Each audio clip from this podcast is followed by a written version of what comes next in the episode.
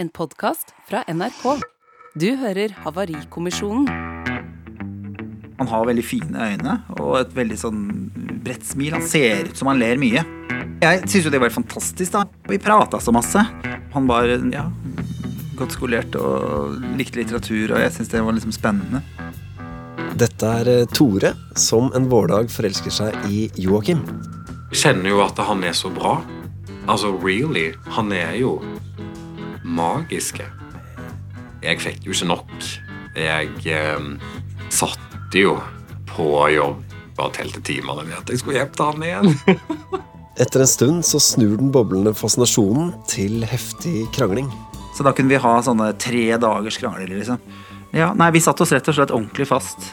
Jeg klarte ikke å gi meg med å prøve å fikse han, og han klarte ikke å slutte å, å seg av meg. Jeg satt eh, med spisebordet og hadde altså et sammenbrudd. Og jeg kan bare huske at jeg smeller neven i bordet. Knallhardt. Inni meg så var det så mye krigføring og så mye kamp.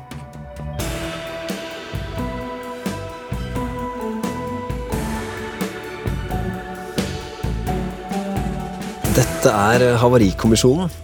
Jeg heter Eivind Sæther, og sammen med parterapeutene Sissel Gran og Dimitri Kielland Samoilov skal jeg dykke ned i det som en gang var en lykkelig kjærlighetshistorie, og finne ut hvorfor det havarerte. Havarikommisjonen. Og Sissel, her er det mye følelser. Jeg hører I starten her så er det jo stor begeistring, glede Sånn som en forelskelse er. Altså at man tenker at nå Nå eh, er jeg på vei inn i det virkelige livet. Ja, At da er det så magisk, da. Og så deilig. Og den andre er bare helt perfekt. Og så går det nedover.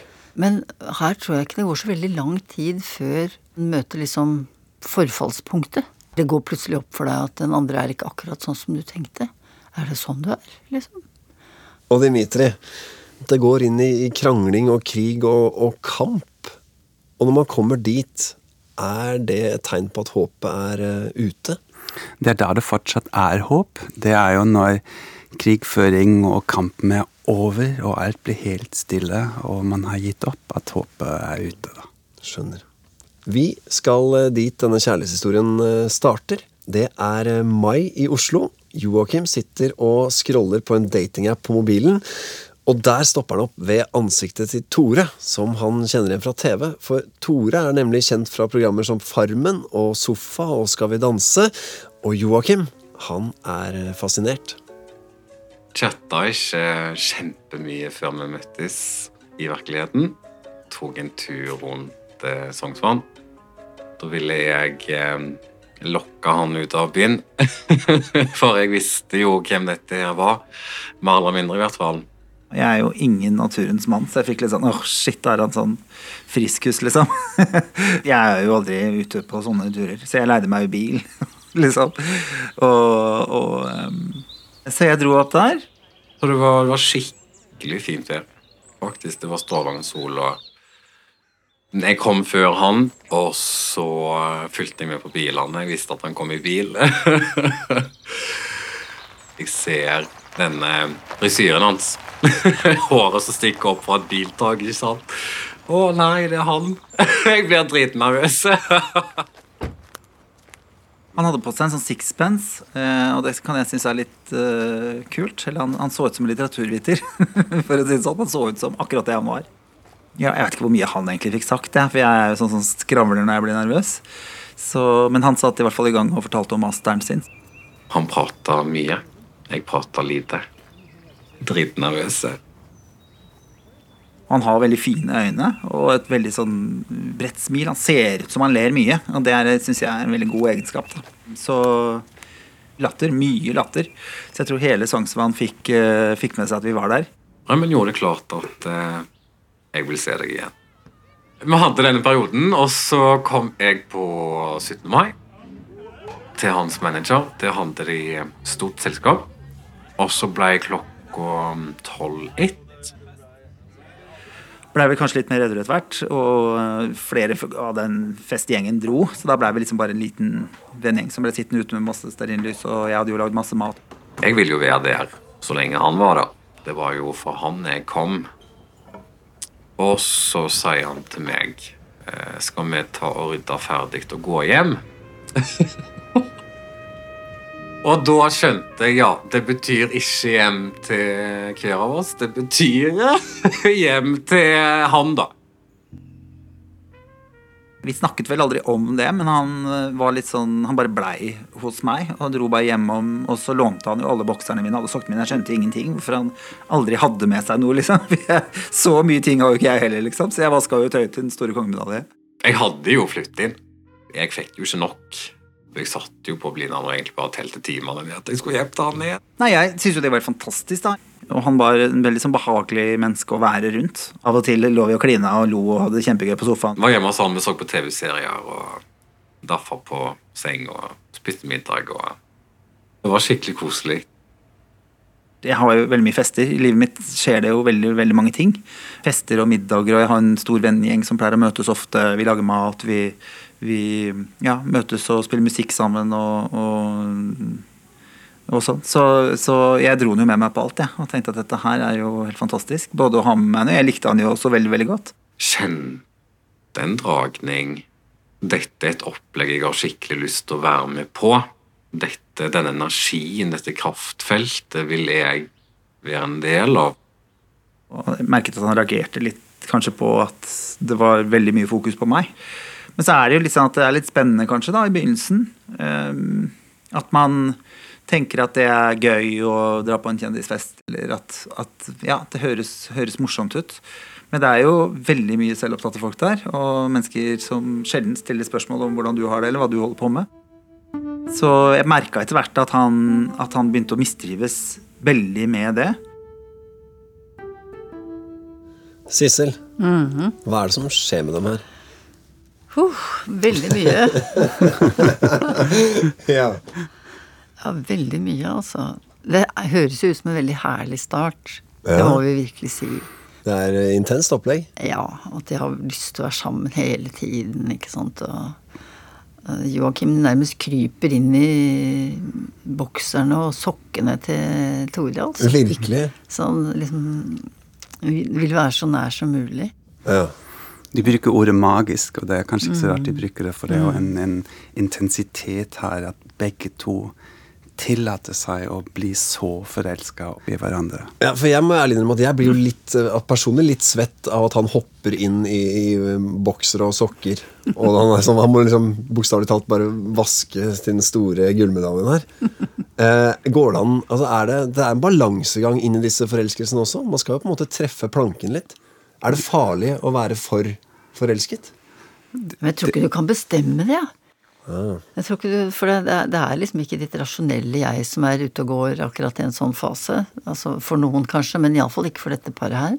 Her er det ingen forbehold. Nei. Og så er det jo, så kommer jo dette mennet, da. Det er, det er, noe som sniker seg inn her. Mm. Det er et eller annet uh, med at den ene ikke helt finner sin plass i den andres ja. liv, på en eller annen måte. Det, det, høres jo litt ut som om uh, Joakim blir nesten Bare det første møtet beskriver nesten Han blir nesten litt starstruck. Mm. Mm. Og så er det jo selvfølgelig en, en, en fare i en sånn relasjon hvor en er litt sånn kjendis. Um, at man blir litt sånn sidekick. Ja. Man blir uh, litt i skyggen av den andres uh, berømmelse, mm. på et vis. Hvem er det sitt ansvar å balansere ut det? Um, det er jo rett og slett um, den konteksten de møtes i, da. At uh, så, sånn er det. Mm. Joakim sier jo at, um, at Tore på er et kraftfelt. Ja. Og i starten så vil han være i det kraftfeltet. Det er berusende sikkert og veldig morsomt. Ja. Og så begynner det å bli annerledes. Ja. Mm. Hvilket leder meg inn til neste spørsmål. Hva ser dere for dere at det kan bli eh, utfordringene for dette paret? Vel, det er jo én utfordring, ikke sant. Eh, rett og slett hva slags eh, liv de lever. De har en, en del forskjeller som de er klar over helt i begynnelsen. Ja.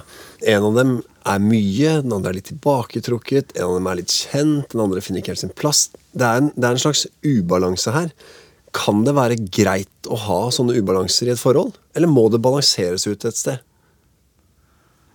Men tror du ikke det handler om hvis den som kanskje Altså det er et veldig ulikhet i sånn turtall her, da. Ja, Men må de da stille farten inn etter hverandre? Jeg tror kanskje ikke det. For jeg tror kanskje at hvis man beundrer og er begeistret for det over tid, for det er det som, som kjennetegner par som har det helt fint med store forskjeller, da. Ja. At man syns at Fortsetter å synes at den ulikheten er berikende. Altså at det kan være en sånn en slags triumf da, for et par. Å kjenne at vi, vi tolererer, vi rommer den forskjellen, store sånn forskjellen. Altså hvis disse hadde klart det, da, Ja.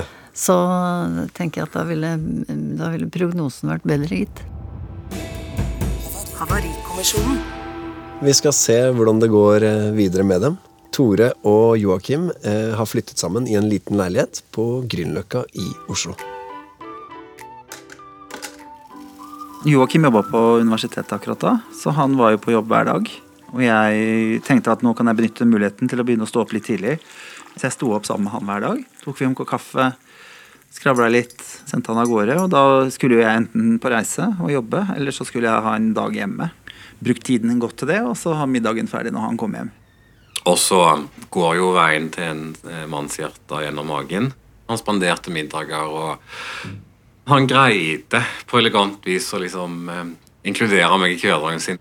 Og jeg har jo alltid vært veldig sånn opptatt av å invitere folk, samle folk, liksom. Og det var ofte hvor, hvor han ikke ville være med på det. Da. Og da begynte jeg liksom å kjenne at det her er litt skummelt. Jeg tror ikke han mislikte noen av vennene mine, men jeg, jeg tror nok etter hvert at han, også pga. sin alder, da, han er ti år yngre enn meg, sånn at, at han følte liksom at han ikke hadde noe å komme med, at alle hadde så mye historier. Ja, i ettertid skjønte at det, var, at det gjorde det litt sånn vanskelig for han. En sånn kjendisfest hvor folk bare skal prate om de tingene jeg har gjort før, som jeg vet at han ikke syntes var noe gøy. Sitte og høre på Farmen-historien min for tusende gang. Så ble han bare sittende i et hjørne og ikke føle at han hadde noe å si.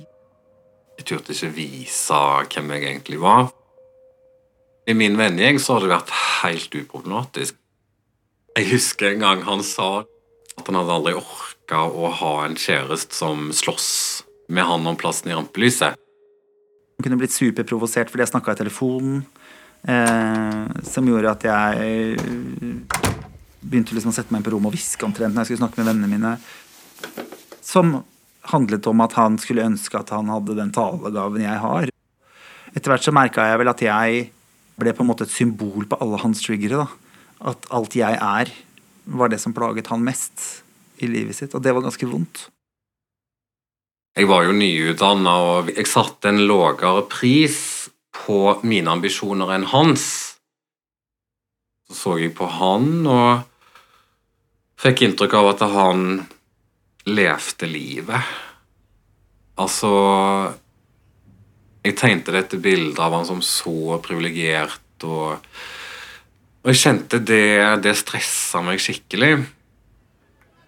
Jeg husker altså hytteturer, jeg husker fester eh, Der flere snakker om egen karriere, og så opplever jeg at han forteller f.eks. For hvem han har sunget med tidligere, legender innenfor sangmiljøet. og drar fram kvaliteter som jeg kjenner at åh, jeg føler alle ser opp til de med sånne kvaliteter. Merket på at han var i dårlig humør. Eller at han kunne plutselig bli veldig mørk på en måte i blikket. Og jeg merket at han reagerte litt kanskje på at det var veldig mye fokus på meg, og ikke på han. Det har vært noe jeg har kjent så mye på hele veien.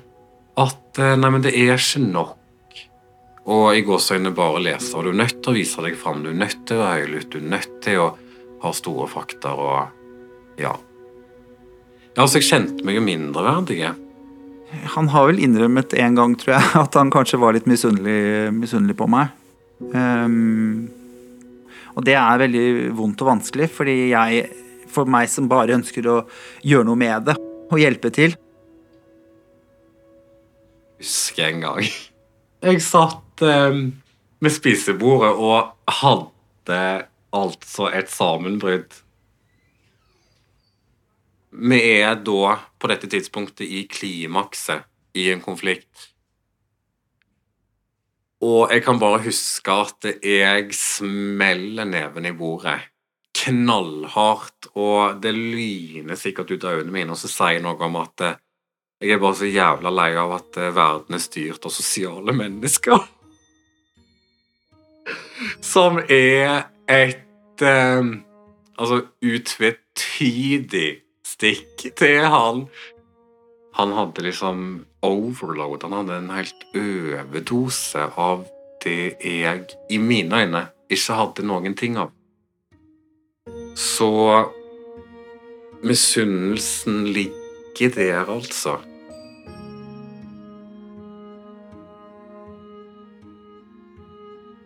Misunnelsen ligger der. Hva, hva er misunnelse, egentlig? Det er jo eh, at du lengter etter noe du ikke har. Det er en slags form for mindreverdsfølelse i det, tenker jeg. For det, det er som Joakim sier, jeg er så jævlig lei av at verden er styrt av sosiale mennesker. ja. Og det kan man jo veldig godt forstå. Ja.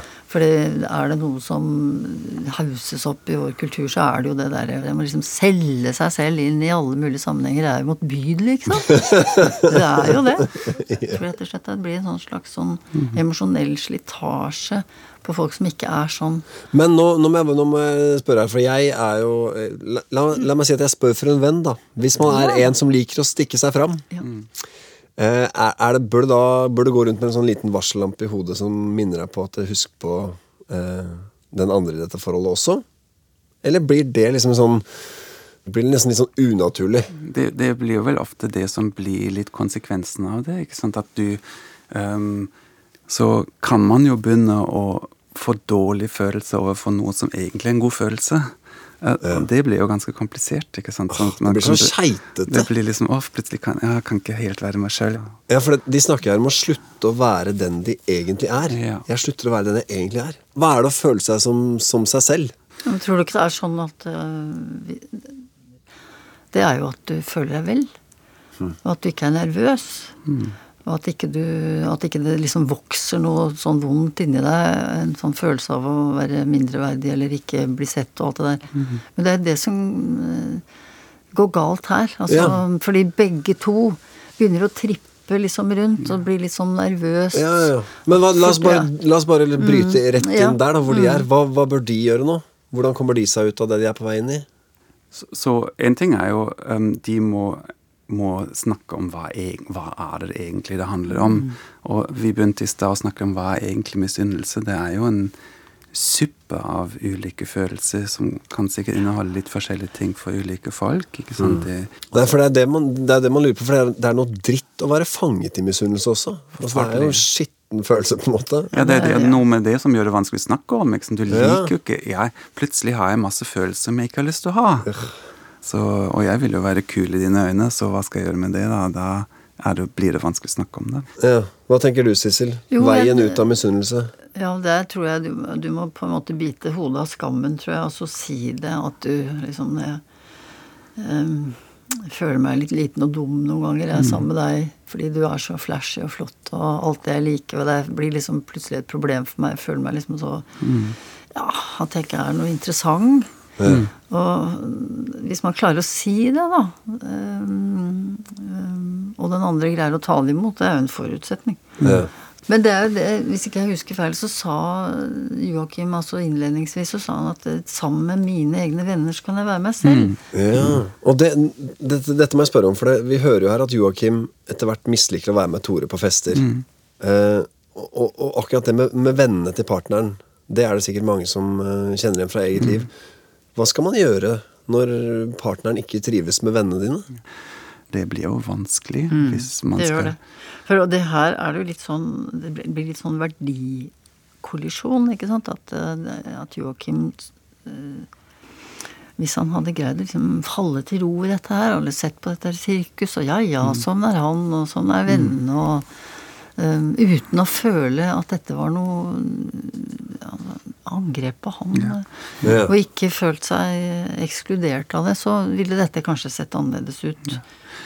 Kanskje vi kunne jeg vet ikke om det er sånn for, for de to, men noe av dette er jo et tema i, i mange samkjønna forhold hvor avvisning er kanskje et større tema. Rett og slett med bakgrunn i hvordan man har vokst opp. Um, det er jo um, Du har kjent en del Ja, jeg har kjent- allerede. Ja. Jeg, jeg, har, jeg har vokst opp sjøl som homofil mann, så jeg vet i min generasjon så var, var jo eh, livet fylt av små og store signaler om at du ikke er ok. Så en fare for å bli avvist og bli utenfor var liksom en konstant bakgrunnsmusikk. Ja. Vet du hva jeg tenker på når du sier at det er Dimitri At det kan kanskje være, være enda sårere med en sånn forskjell altså i et, eh, et eh, likekjønnet par hvor man Hvor det der med å dele felles skjebne um, er veldig avgjørende og viktig. Ja. Og hvor du da føler at du ikke engang blir akseptert der.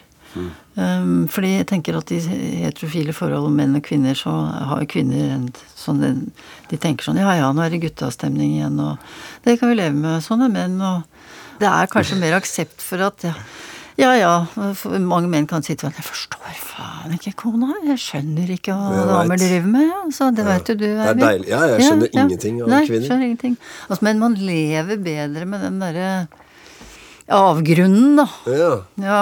Mens når man er samkjønnede Så kan det kanskje være enda mer truende enn om det var eh, Per og Kari. Jeg vet ikke. Dette må vi bare lure på. Ja, men la oss lure videre. Og så skal vi se hvordan det går med paret vårt. De har nå vært sammen eh, omtrent et år og har kjøpt seg en ny leilighet sammen. Men eh, alt er ikke helt bra mellom dem. Og så ble det litt sånn keitete, litt sånn barnslig krangling innimellom. Og jeg prater jo hele tida. Og sikkert kommet med veldig mange sånne råd eller vink eller ikke sant, sånne ting til han som hvordan ting var, og liksom fikse han. Gjorde han liksom veldig til mitt prosjekt. Kanskje hvis du gjør mer sånn, eller kanskje hvis du snakker mer sånn. og så eh, Ja, det er jo spennende å snakke med folk om bøker, men kanskje du bør tenke på at de kan bli litt redd når du har liksom vitenskapelig bakgrunn. Ikke sant? Og der, der begynte det å komme en del eh, Der kom det en del krangler og en del misforståelser etter hvert. Jeg skal jo ikke fikse han. Og det var det som ble klarere og klarere for meg, at så, så lenge vi to er sammen, så klarer jeg ikke å ikke fikse han. Altså, vi, vi, vi satte oss fast på en eller annen måte. Han kunne skildre forholdet vårt eh, mer som et foreldre-barn-forhold. Så lite romantikk var det. Og vi kunne være på, på fester hvor han plutselig kunne få bare reise seg og gå, eller at han kunne få et veldig sinne som jeg ikke kjente igjen. Og sinne er liksom en av de tingene jeg frykter aller, aller mest. At han hadde liksom en, en sintere, sintere side også. Han sier ting til meg som jeg trigger på. Og da vil jeg bare understreke at det sånn treffer jo noe i meg. Så jeg er så opptatt av å, å ikke si at, eh, at eh, det var noe galt han gjorde, men eh, heller vise til at ja, når jeg møtte han, så hadde jeg mange åpne sår, da. Med denne redselen og alle disse følelsene rundt hvordan jeg fungerer i dette forholdet her, og det ble ei røre av dimensjoner. Og det handler jo om eh, meg. Hvordan jeg har blitt møtt i fortida. Jeg har ikke blitt møtt med aksept for eh, den jeg har uttrykt, og så har det festa seg i meg. Jeg føler at jeg hadde en identitetskrise. Nettopp fordi jeg eh, kom aldri på banen som eh, den Joakimen jeg kjente, da.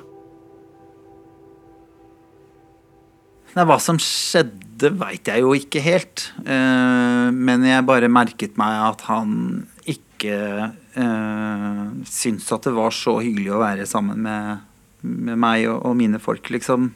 At det ble liksom mer og mer krangling, krangling når vi kom hjem etterpå pga. ting som var sagt, eller måten han hadde følt seg på, eller ting han hadde gjort som jeg hadde reagert på. ikke sant? Og da begynte sånne krangler som, som ofte ble veldig, veldig store. Ja, som jeg ikke liksom kjente at jeg hadde helt sånn kontroll på. Ingen av oss klarte å trekke oss heller. da. For han hadde jo et sinne, og da reagerer jeg med reptilhjernen. liksom. Jeg reagerer med den samme lyden jeg får. da, Det gjør jeg veldig ofte. Så Hvis du overrasker meg med å bli sint, så får du en helt annen versjon av meg enn den jeg vanligvis er. Jeg kan bli veldig sint av det fordi jeg skvetter, eller jeg vet ikke. Jeg reagerer liksom veldig på det. Jeg har jo hatt en del forhold før som har vært turbulente og vanskelige, og der har jeg tatt med meg en del ting som gjør at, at jeg kan reagere på, på noen ting, da. Jeg vet ikke om han følte han gikk begge skal, men han nevnte et par ganger at å leve med meg det var som å bevege seg rundt et minefelt. Kunne plutselig klikka, ikke sant? Så da kunne vi ha sånne tre dagers krangler liksom, hvor vi omtrent ikke sov og bare skrek til hverandre. og Det var forferdelig, forferdelig slitsomt. Og ingen av oss uh, ga seg jo. Så det, så det, var der veldig mye av de tingene våre, eller kranglene våre, var. da, Hvor han kunne gjenta noe jeg har sagt, og så, og så har han hørt det helt annerledes enn det jeg sa det, eller mente det som. Og det samme gjorde jeg, fordi det er så farget av historien vår at vi begge to er litt sånn såra barn. Og, og, vært veldig usikre barn. Og han også har jo en mobbehistorie og, og har liksom sin historie, så Og at jeg hadde de enorme følelsesutbruddene. Og så blei han bare en sånn brannslukningsinstans til slutt, egentlig. Vanskelig når jeg er så redd for sinne som det jeg er, da. Men fader her opplever som et overgrep på meg, som er så redd for sinne, liksom. Så hvor er min plass i dette hjemmet her da? da? Hvis, hvis, han bare skal få lov å slenge puter i veggen og slå i bordet og kaste ting rundt seg, liksom. Dette store sinnet. Hva, hva, er sinne? Det er kanskje et dumt spørsmål, men altså sånn hva er, som, hva er, det som, skjer med oss? Vi forveksler å være sint med å gjøre sinte ting. Mm. Altså For at å være sint er jo vi skal jo kunne føle sinne. Mm. Problemet er jo med hvordan det kommer ut. Ja. Um, og om mm. sinnet er uh, det det egentlig handler om, eller om det er andre ting som da er, ligger under. For under her ligger det jo dype sår. Mm. Og Skam, tenker jeg. Skam, ja. Over å ikke duge eller ikke være bra nok. Og da snakker vi om at det er en slags kamuflasjefølelse. ikke sant? Det kan det ofte være. Kan det være. Kamuflasjefølelse? Mm.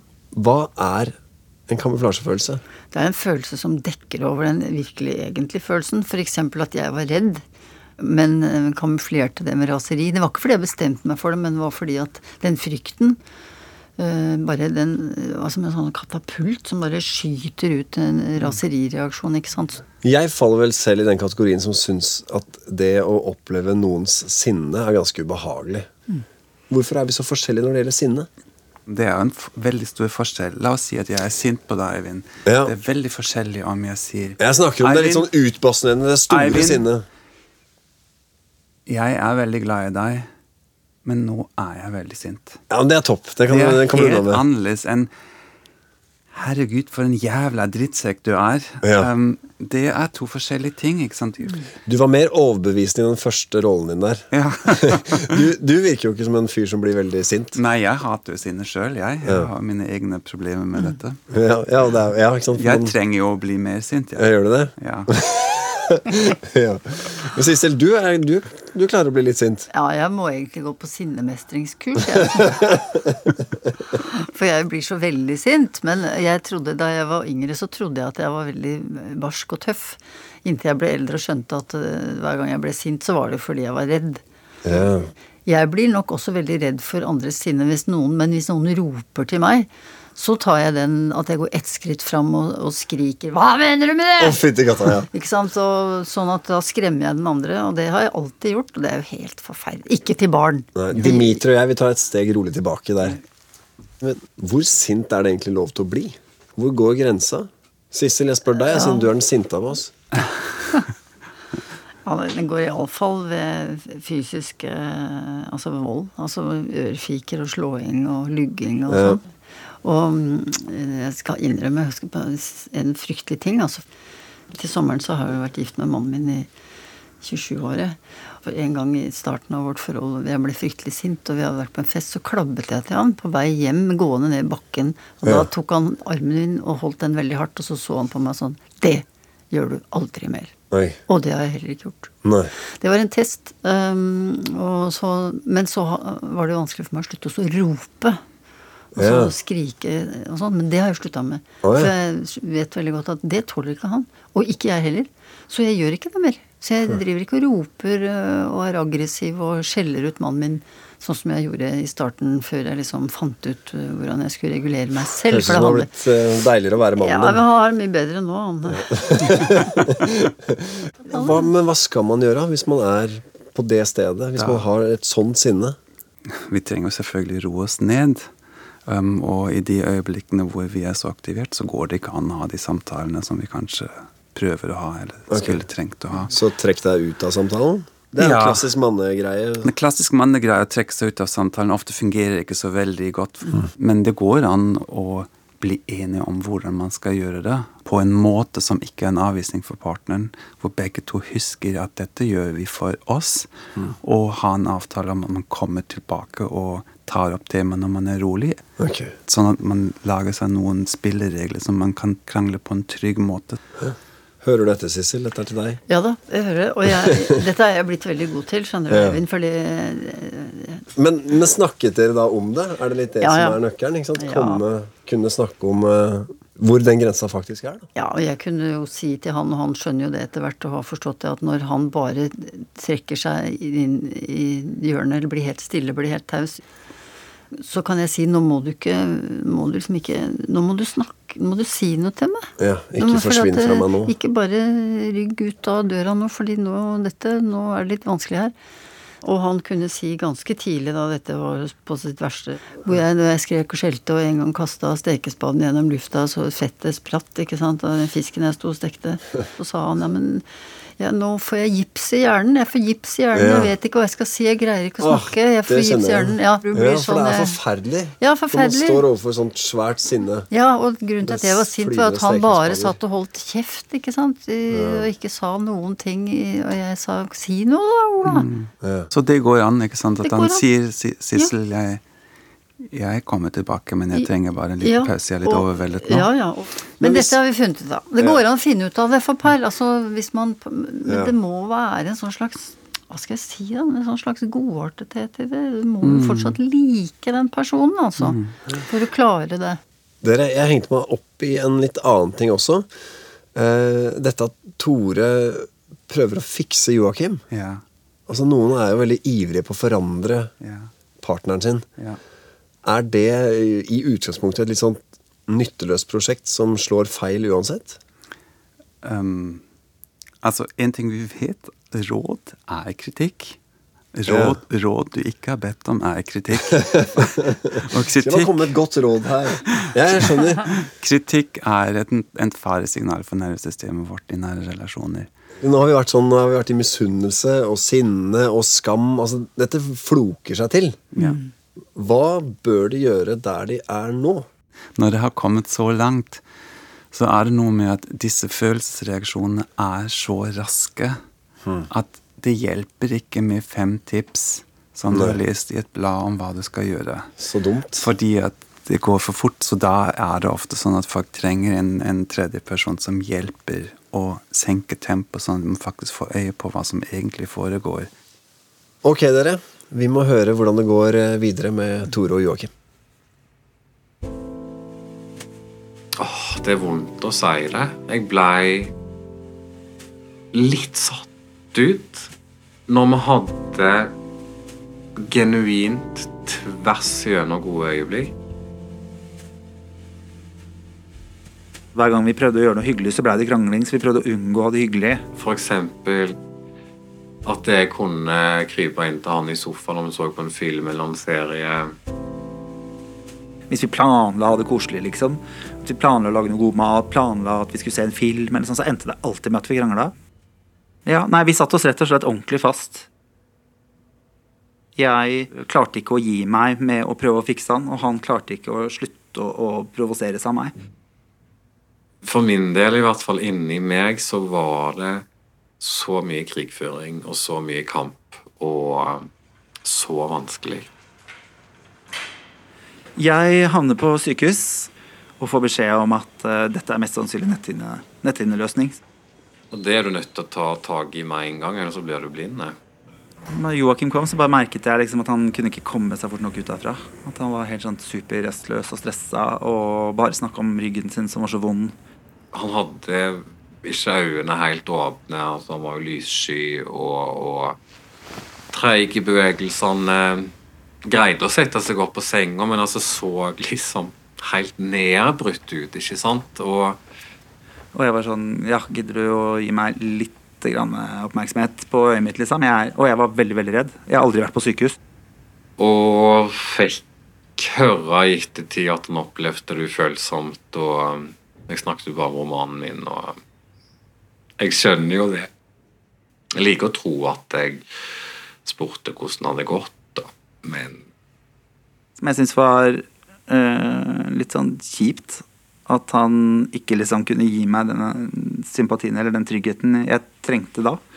Jeg er jo litt sånn som kan virke som jeg alltid har alt på stell, og at jeg klarer meg sjøl. Liksom. Og det er vel kanskje da man kanskje aller mest trenger noen, da. Når man plutselig føler seg svak og bare nå, nå vet jeg ikke hva som skjer.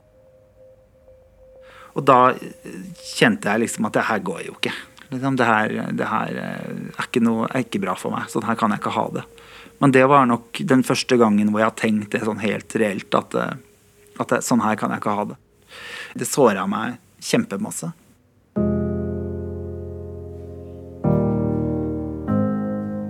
den episoden på sykehuset, den starta egentlig bare som dominobrikkerekka der brikke til brikke begynte å falle. Fordi ikke sant, jeg kom inn der, og det satte i gang ting i meg. og ikke sant, så alt med det gående.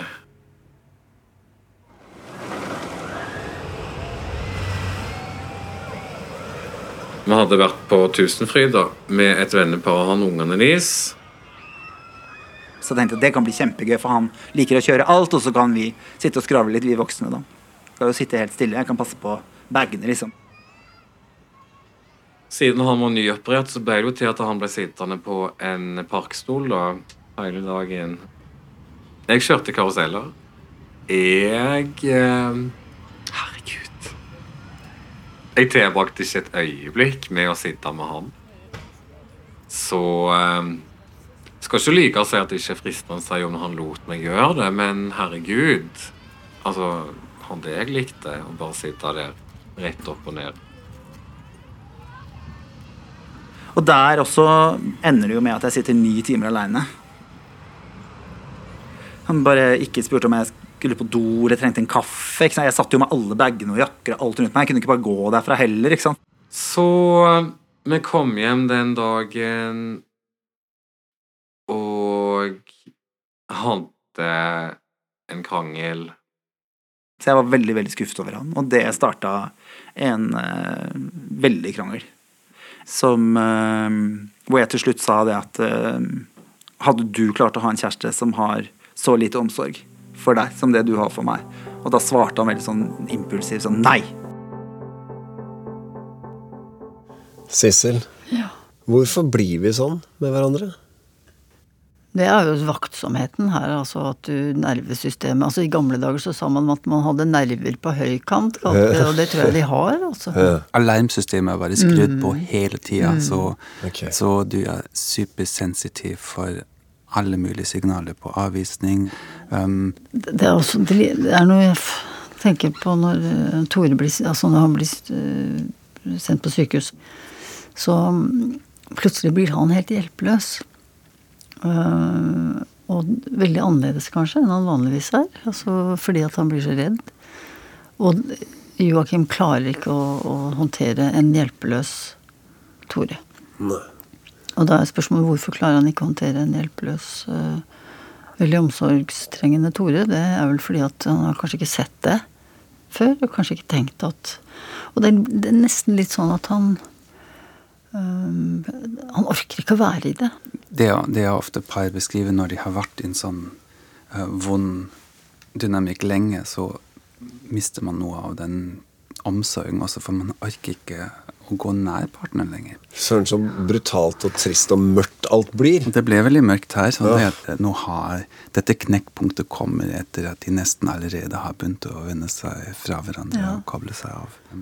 Men, men finnes det noen motgift lenger til denne forakten som melder seg? Dere har ingen sånne magiske små grep å gi meg her. Hvis man er helt på det siste.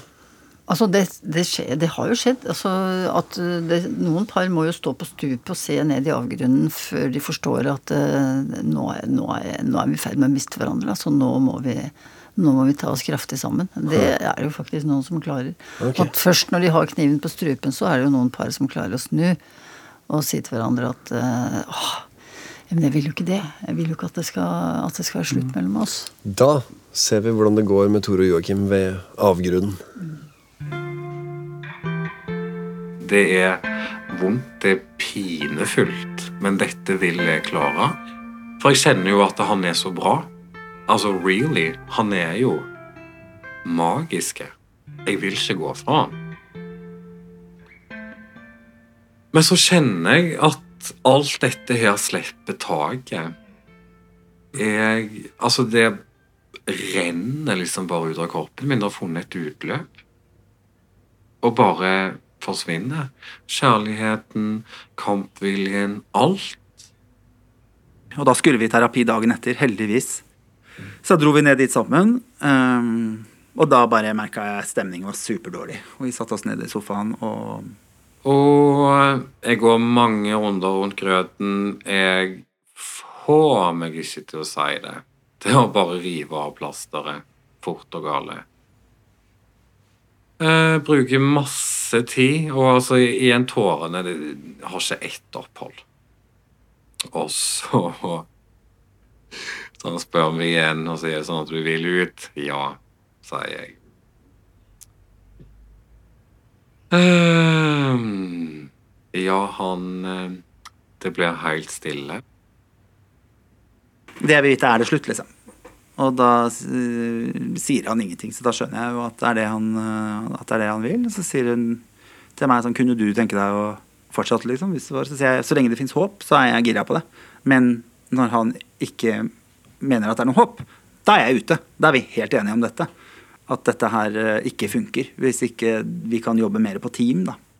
Og vi fikk snakket om at vi ønsket å, å vise hverandre respekt. Eh, at vi hadde kommet inn i dette sammen, så vi kan komme ut av dette sammen. Vet du hva, jeg, jeg greier ikke å se på bruddet som noe annet enn en act of kindness mot oss sjøl.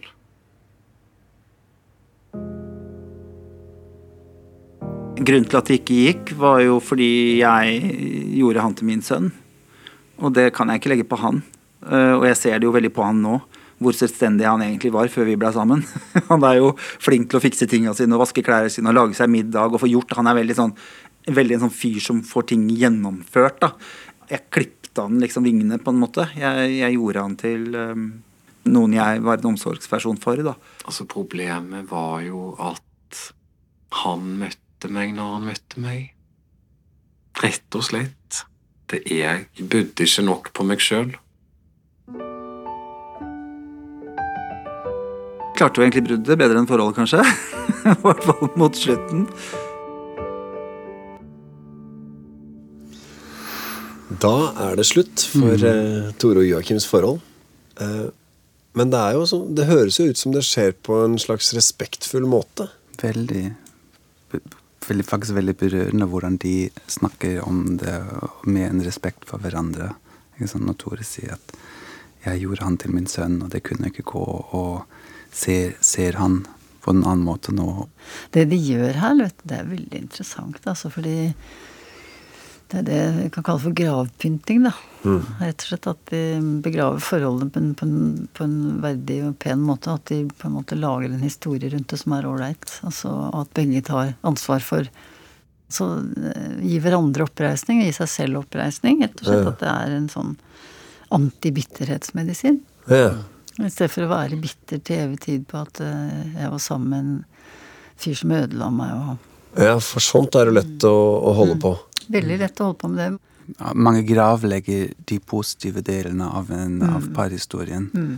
Og bare holder fast ved de, mm. det som var grusomt. Mm. Ja. Vi tenker at, uh, at, det var ikke noe feil med meg. Mm. Og det å gå rundt etterpå og tenke at det var ikke noe feil med meg Altså, det var den andre som gjorde at jeg ble sånn. Ja.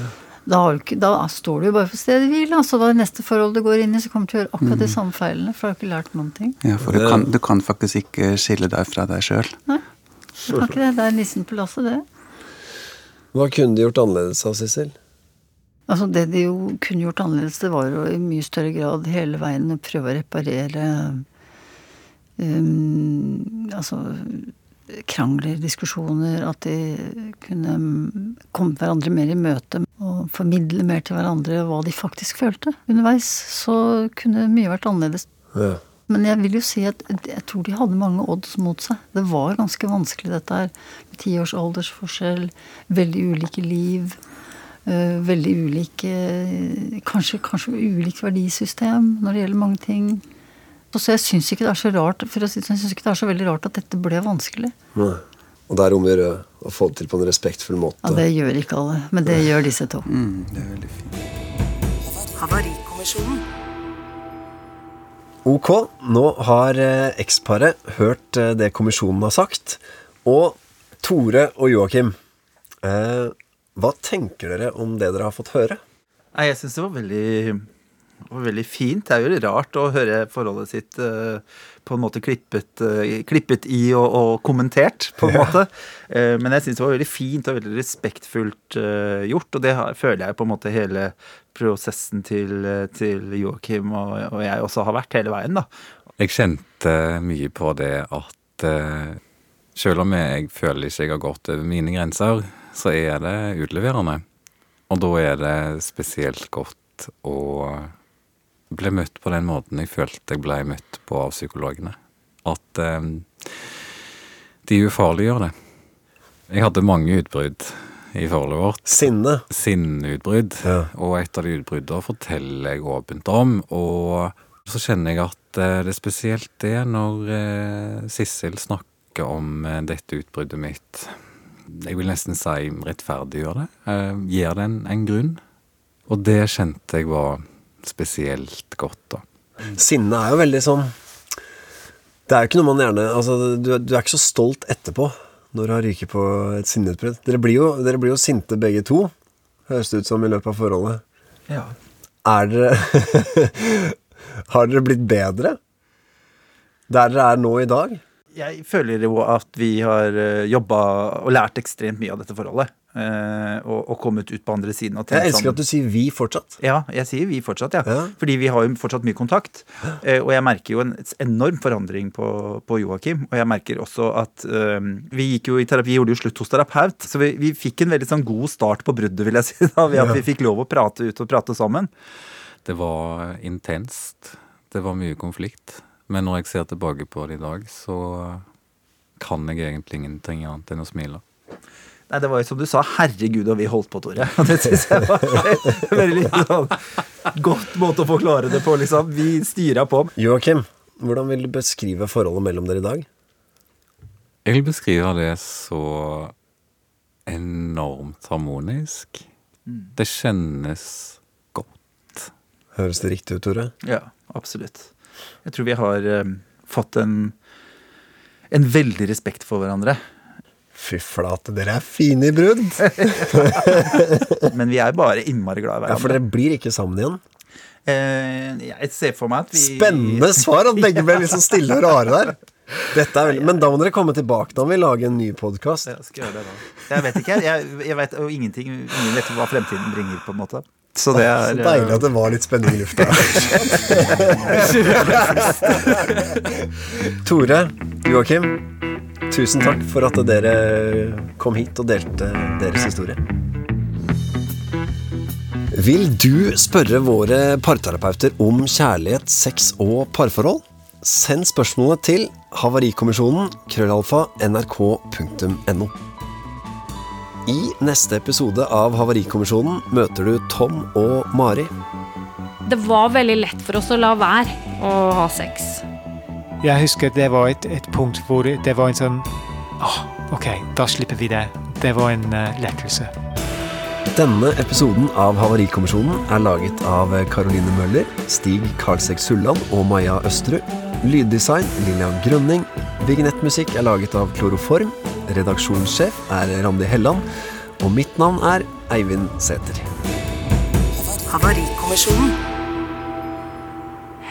En podkast fra NRK. Hei, jeg heter Gry Veiby. Hva med en podkast som plukker ut de viktigste nyhetene for deg, både fra Norge og verden, og snakker om dem på en måte som gjør at du ikke kan la være å høre på? Vi gir deg det du trenger for å holde deg oppdatert. Oppdatert hører du først i appen NRK Radio.